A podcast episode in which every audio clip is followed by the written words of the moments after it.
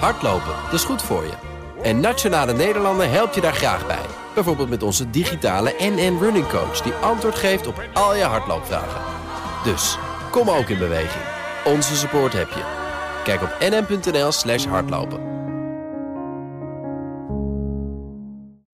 BNR Nieuwsradio. BNR Zaken doen. Thomas van Zeil. Opnieuw een cruciale Brexit-week en het IMF voorziet de laagste groei in de handel in tien jaar tijd. Economische groei zwakt verder af. Daar praten we over met het economenpanel bestaande uit Steven Brakman, hoogleraar internationale economie aan de Rijksuniversiteit Groningen. Barbara Baarsma, directievoorzitter van de Rabobank Amsterdam en hoogleraar toegepaste economie aan de Universiteit van Amsterdam.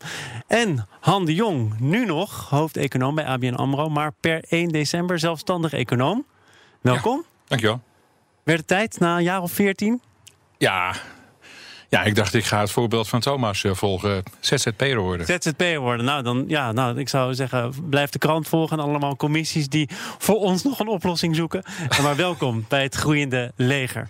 En mijn zakenpartner is uh, Danielle Kleiheeg van detacheringsbureau i for Talent. Ja, uh, vrienden van het economenpanel, Brexit. Ik heb het net ook al gevraagd, maar het blijft natuurlijk toch een, een gespreksonderwerp. Een gespreksonderwerp waar jij nog enig plezier uit put, Barbara, of niet? Nee, eigenlijk niet.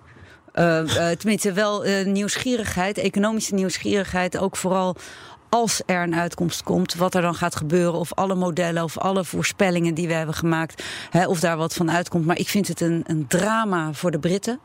Uh, en ik vind het ook uh, een drama eigenlijk uh, voor de Europese Unie. Dus ik, van, vanuit dat perspectief zie ik daar, heb ik daar geen plezier aan. Welke modellen moet je hier eigenlijk nog tegenaan gooien? Zijn die er dan? En welke nee, nee, wat we in het begin hebben gedaan. Kijk, wat, wat we, we hebben een specifieke maatwerkmodel gebouwd. Omdat dat was overigens een, iets dat het IMF ook aanraden. Om niet alleen te kijken naar import, export, handelsrelaties. Maar ook naar het effect op productiviteit. Want dat is een zwaar onderschat effect van de brexit. Je ziet dat nu al optreden. Maar als gevolg van de brexit zie je dat uh, het buitenland veel minder gaat investeren uh, in Groot-Brittannië. Dus dat betekent dat er minder innovatie is, minder wordt geïnvesteerd in productiviteitsverhogende investeringen of innovaties. Er is veel minder kennismigratie. Mensen denken wel drie keer na voordat ze daar gaan, gaan wonen. En um, omdat de grenzen deels op slot gaan, er is gewoon minder import, export, minder handel, krijg je veel minder concurre concurrentiedruk eh, om, om efficiënter van te worden. En die redenen maken dat de productiviteitsgroei in de UK uh, onder druk staat. En na een harde brexit zou dat nog wel eens een flinke klap kunnen krijgen. En ik ben met name benieuwd hoe dat soort dingen uitwerken. Want ja, dat soort, laat ik het maar even heel lelijk noemen, natuurlijke experimenten heb je niet vaak. Steven, dit is een natuurlijk experiment. Dit is zeker een natuurlijk experiment. En blijft maar duren? Het blijft maar duren. Ik ben het helemaal met uh, Barbara Baasma eens. Uh, we weten niet precies wat er gaat gebeuren. Uh, er zijn heel veel onzekere factoren. Eén ding weten we zeker. En dat wijzen die modellen uit, uh, waar net al aan gerefereerd werd. En die modellen geven heel duidelijk aan dat de handel zal afnemen. Dus afgezien van die lange termijn dynamische effecten, weten we één ding vrij goed. En ook vrij zeker. Is dat de grens tussen het Verenigd Koninkrijk en Europa, dat zal negatieve effecten hebben. De handel zal afnemen, de welvaart zal afnemen. En het is slecht voor alle partijen. Met name voor het Verenigd Koninkrijk. En we hebben, om nog even terug te komen op die modellen. We hebben ook een berekening gemaakt. Stel dat het Verenigd Koninkrijk uit Europa vertrekt. Maar ze sluiten een handelsakkoord met de rest van de wereld. Met iedereen met Japan, Latijns-Amerika, met Afrika, kortom met iedereen. Dan nog kunnen ze de negatieve effecten niet compenseren. Dus een handelsverdrag met de hele wereld, behalve Europa, is niet voldoende. Maar dat hangt toch af van onder welke condities je die verdragen nee, dan sluit, of niet? Uh, nee, we hebben dus een uh, heel extreem model, uh, exercitie uitgehaald. Dat het model of de, het handelsverdrag is perfect. Dus de handelsbarrières tussen het Verenigd Koninkrijk en de hele rest van de wereld verdwijnt. Dan nog is het niet voldoende om de negatieve effecten van een een exit uit Europa te compenseren. Dat verbaast mij zeer. Jou misschien ook? Nee. Toch? Als je met nee. de hele wereld goede verdragen kunt sluiten. Nee, er is één, één heel groot uh, ja, karakteristiek van de internationale handel: afstand. De afstand tussen het Verenigd Koninkrijk en een van de grootste markten in de wereld, Europa, is heel klein. De afstand van het Verenigd Koninkrijk met de rest van de wereld is heel groot. Nou, dat is eigenlijk een belangrijke verklaring. An? Ja, ik ben, het, ik, ben het opeens, ik ben het eens met de conclusies. Ik moet wel eraan toevoegen, daar heb ik helemaal geen model voor nodig. Nee. Want het, uh, het, het, spreekt erg voor zich natuurlijk. Dat als je, ja, als je vrije handel hebt, dat dat, uh, dat dat welvaartsbevorderend is. Ik zeg heel vaak tegen mensen die daar vragen over stellen. Eigenlijk is het, het, het denken over internationale handel, zoals we dat nu doen. dat doen we eigenlijk al vanaf 1817, vanaf David Ricardo. Wet van de comparatieve kosten verschillen. Um, en eigenlijk is het een van de weinige dingen in de economische theorie die 200 jaar lang onomstreden is uh, gebleven. Wel wat aangepast hier en daar. Maar, maar internationale handel bevordert de internationale arbeidsverdeling en dat is welvaartsverhogend. En als je er tegenin gaat, ja, is het welvaartsverlagend. Dat is simpel genoeg. Maar ik nou, zou je zeggen, kunt er wel drie jaar lang over, over, over praten. het dan precies kijk, uh, ik, ik zou dus zeggen, het is, meer, het is eigenlijk meer een, politiek, het is een politieke beslissing met economische consequenties. Wat de Britten wel kunnen doen, is natuurlijk proberen de pijn te verzachten door heel goed uh, uh, beleid te voeren. En uh, in de Europese Unie wordt nog wel eens worden nog wel eens maatregelen genomen. Dan ga je natuurlijk zeggen te, aan mij, of vragen aan mij van geef eens voorbeelden. Um, maar um, de regels van de Europese Unie maken ondernemerschap niet altijd gemakkelijker. Dus als het Verenigd Koninkrijk uh, uh, uh, een beleid gaat voeren waardoor ondernemerschap veel gemakkelijker wordt in het Verenigd Koninkrijk, dan zou het zomaar kunnen dat ze de pijn nog wel redelijk kunnen verzachten. Maar dan is het nog altijd een pleister, want de wond zit er zeker. Nou ja, dat, denk ik wel. En ik denk ook dat wat Barbara zegt, Barbara zegt over productiviteitsontwikkeling, dat, is natuurlijk uh, ook waar. Dat is wel iets, hè, dat kun je niet beoordelen op een termijn van, van één jaar of zo. Daar gaat echt jaren overheen voordat je dat pas goed in het vizier hebt. Nee, maar daarom zei ik ook, daar ben ik nou wel als econoom gewoon benieuwd naar wat, dit, wat, dat, wat dat gaat doen. Um, maar ik denk dat. Um, het is een politiek besluit geweest, deze hele brexit. Het is een referendum geweest uh, waarbij het volk, of althans een groot deel van het volk heeft gesproken. Maar wat ik het nare vind, is dat wel economische feiten. Nee, het zijn geen feiten. Economische onwaarheden als feiten zijn gebruikt in, in dat, uh, he, ook door Johnson zelf, uh, in de aanloop naar dat referendum.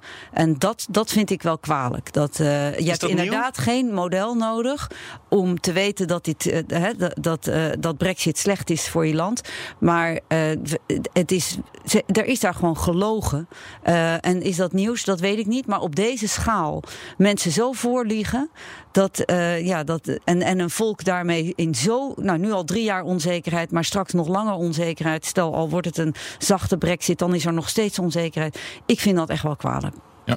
Misschien is dat paradoxaal een van de, de, gunstige effecten van deze hele discussie die we nou de afgelopen drie jaar hebben gehad. Dat de kennis over Europa enorm is toegenomen. En ik denk ook in het Verenigd Koninkrijk dat de negatieve effecten, die zijn natuurlijk door heel veel mensen benadrukt en die zijn er ook.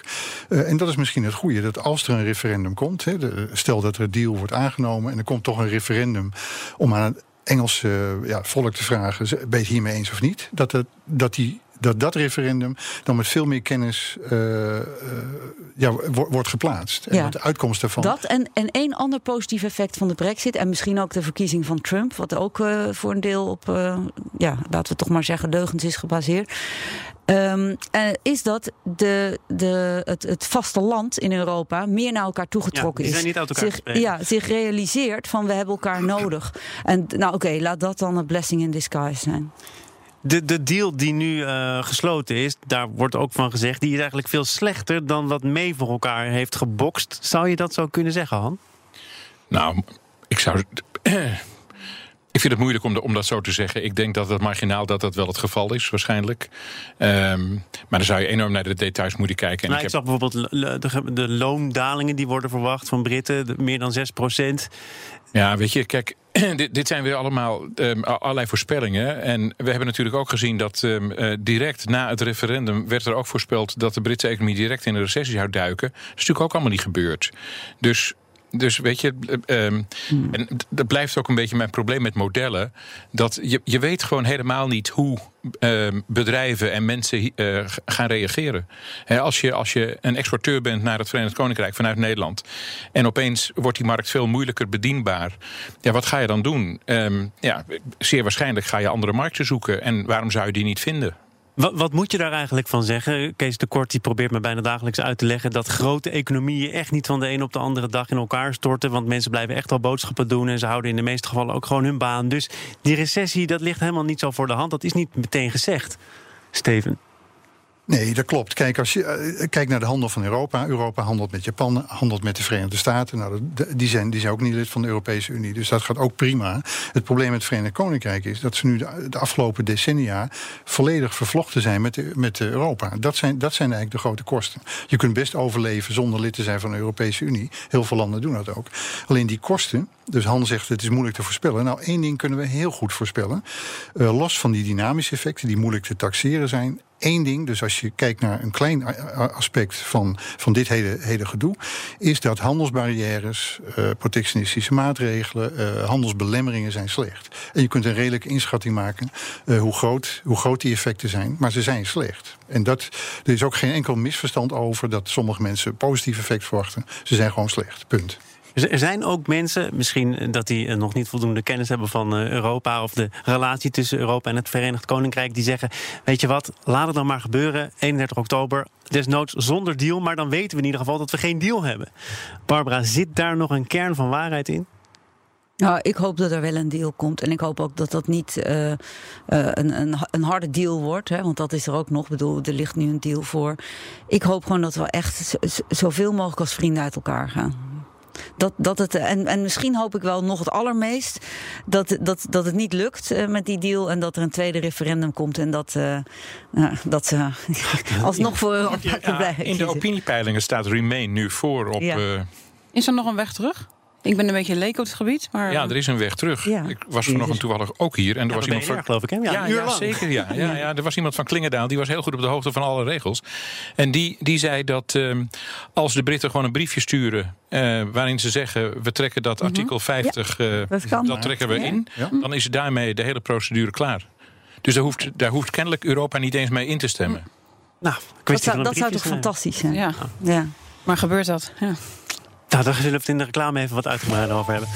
Um, daarna hebben we het over het IMF en de groeiverwachtingen, de zorgen om de financiële stabiliteit. Zometeen in het Economenpanel.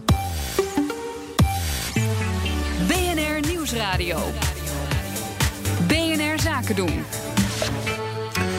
Zijn hier drie top-economen te gast om het belangrijkste economische nieuws te bespreken. Han de Jong van ABN AMRO, Steven Brakman, verbonden aan de Rijksuniversiteit Groningen... en Barbara Baarsma van de Rabobank Amsterdam en de Universiteit van Amsterdam. Mijn zakenpartner is Danielle Kleiheeg. En we gaan het hebben over wat er vlak voor het weekend echt officieel werd, namelijk de benoeming van Christine Lagarde. Per 1 november wordt zij de nieuwe uh, voorzitter van de ECB. Ze kreeg overigens meteen een duidelijke boodschap mee van Klaas Knot, die met kritiek kwam.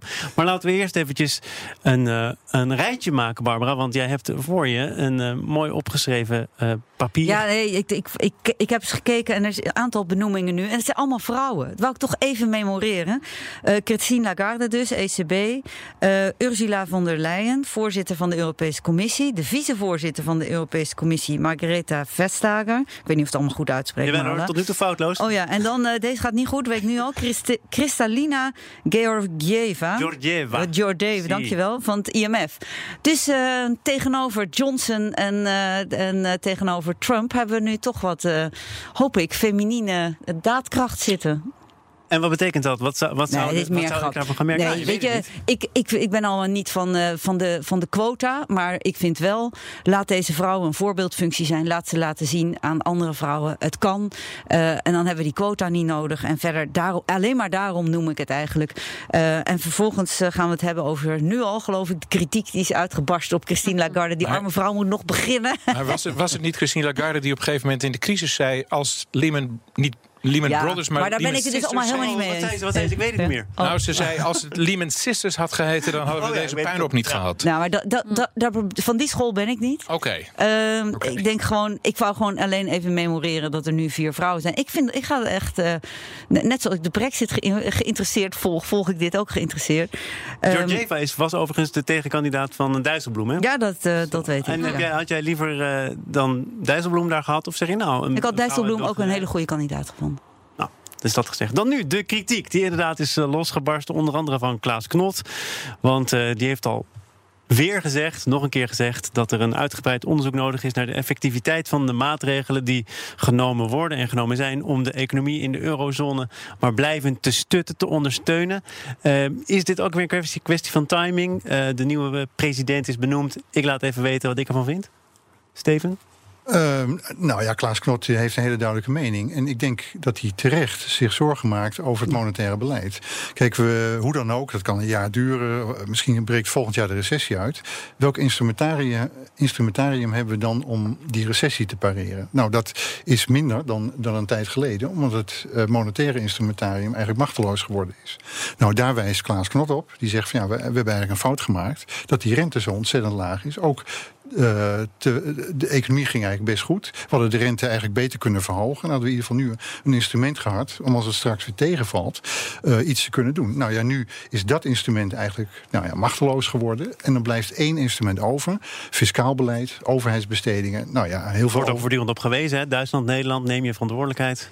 Maar dat doen ze tot, tot op heden eigenlijk niet. Maar Steven, klopt het nou eigenlijk wel wat je zegt? Want ik had begrepen dat bij de laatste beslissing, waar Knot dus zich uh, openlijk tegen heeft verzet, um, dat alleen maar het onderdeel van de.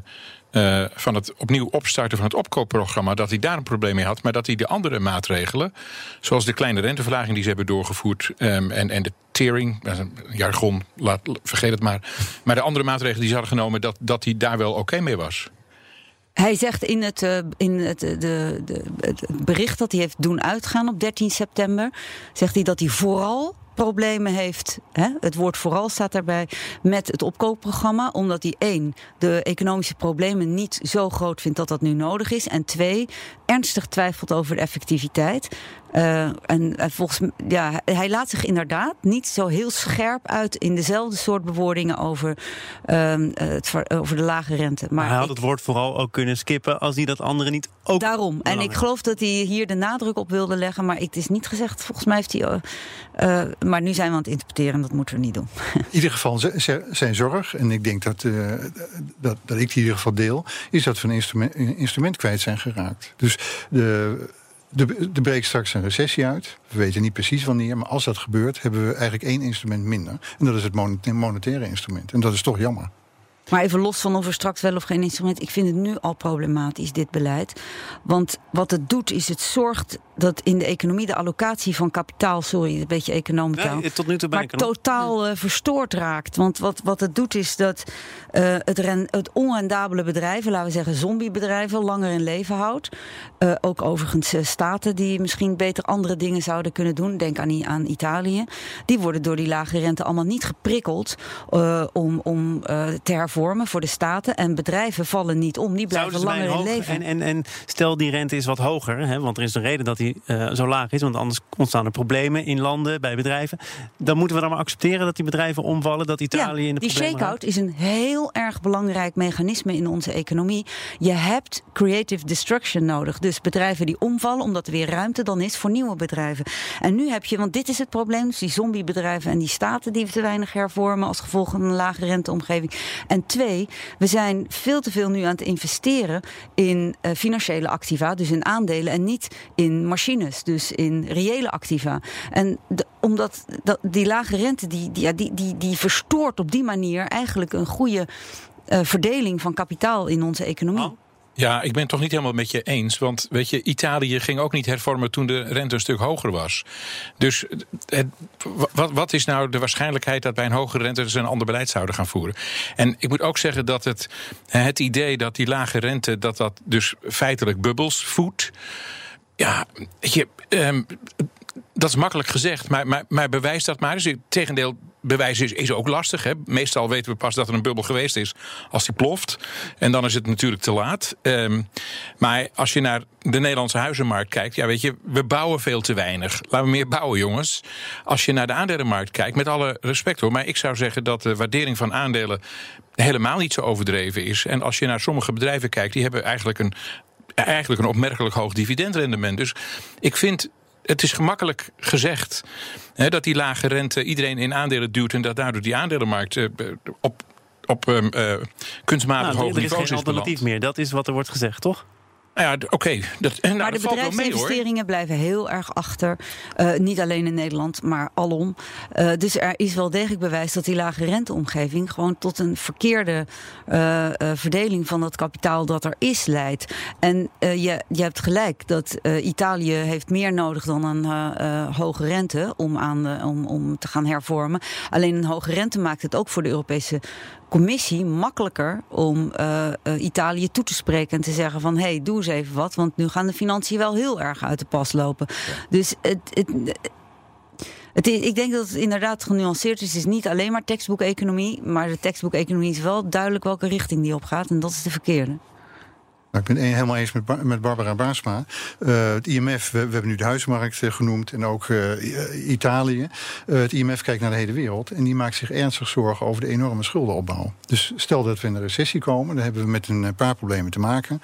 Er is een dreiging van de rentestijging. De rente die is nu zo laag. De, hij kan eigenlijk maar één kant op, dus omhoog. En we gaan naar een recessie toe.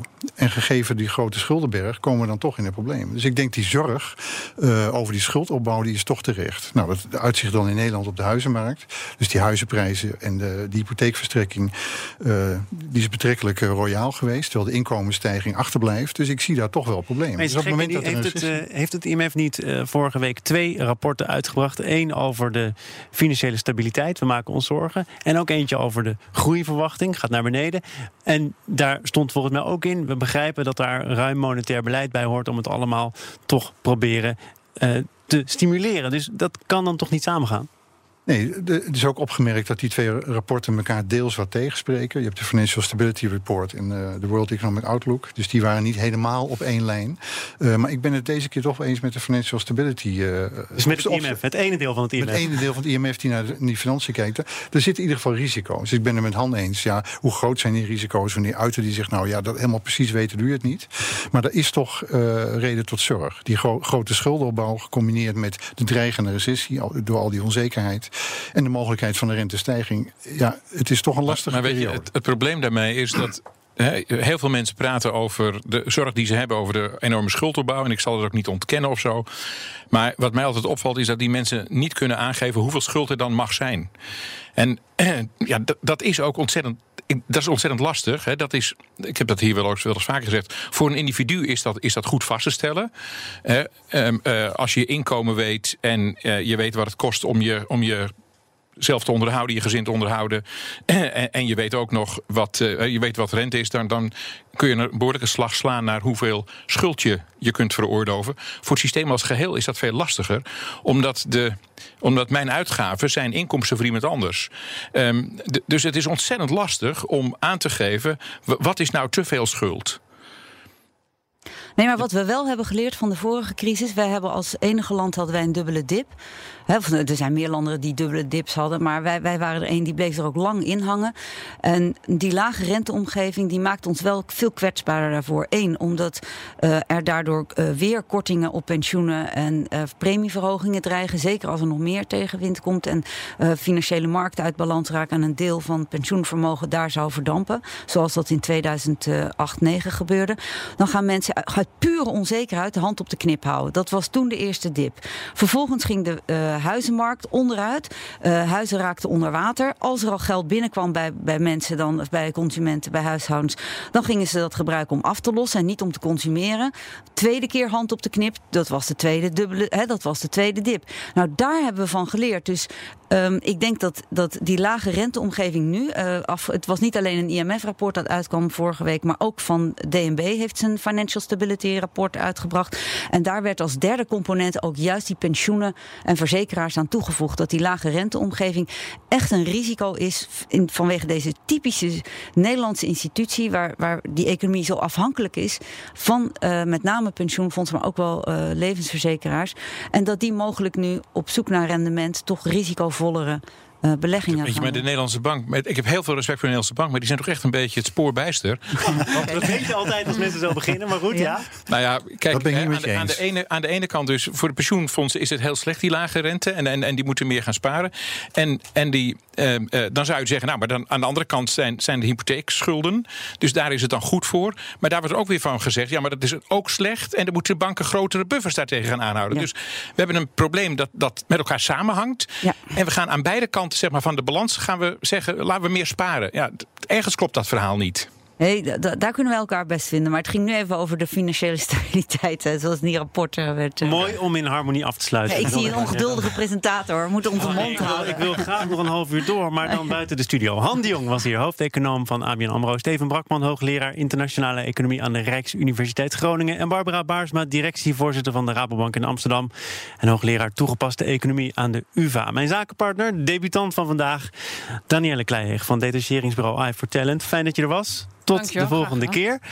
Dit was het voor vandaag. Morgen dan ben ik terug om 12 uur met een nieuwe uitzending van BNR Zaken doen. Zometeen eerst tijd voor de podcast van het FD en BNR Nieuwsroom. Veel plezier en tot morgen.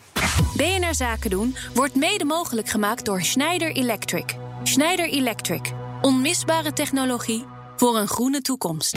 Elke maandag tot en met donderdag. Spitsuur.